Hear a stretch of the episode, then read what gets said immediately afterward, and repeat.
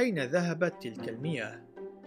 إن أرضنا تحمل لقب الكوكب الأزرق لأن معظم سطحها مغطى بالمياه 70% من سطح الأرض إذا تم بسط الجبال الموجودة في العالم مع رفع قاعدة المحيط لجعل السطح متجانسا فإن المياه في تلك الحالة سوف تغطي الأرض بعمق يصل إلى حدود ثلاثة كيلومترات كان طوفان نوح قد تسبب بحدوث تحركات أرضية جبلية ضخمة.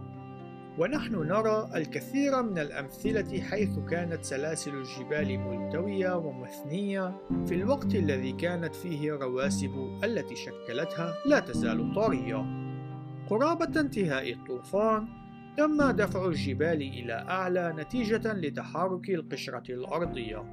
إن المياه لا تزال موجودة هنا. إلا أننا نعيش فقط على تلك الأجزاء التي تم دفعها خارج الماء عند انتهاء الطوفان. يقترح بعض علماء الكتاب المقدس الموثوقين أن المزمور الرابع بعد المئة في الآيتين السابعة والثامنة يصف هذا الحدث عندما يتحدث عن ارتفاع الجبال وانخفاض الوديان وهرب المياه عن سطح الأرض.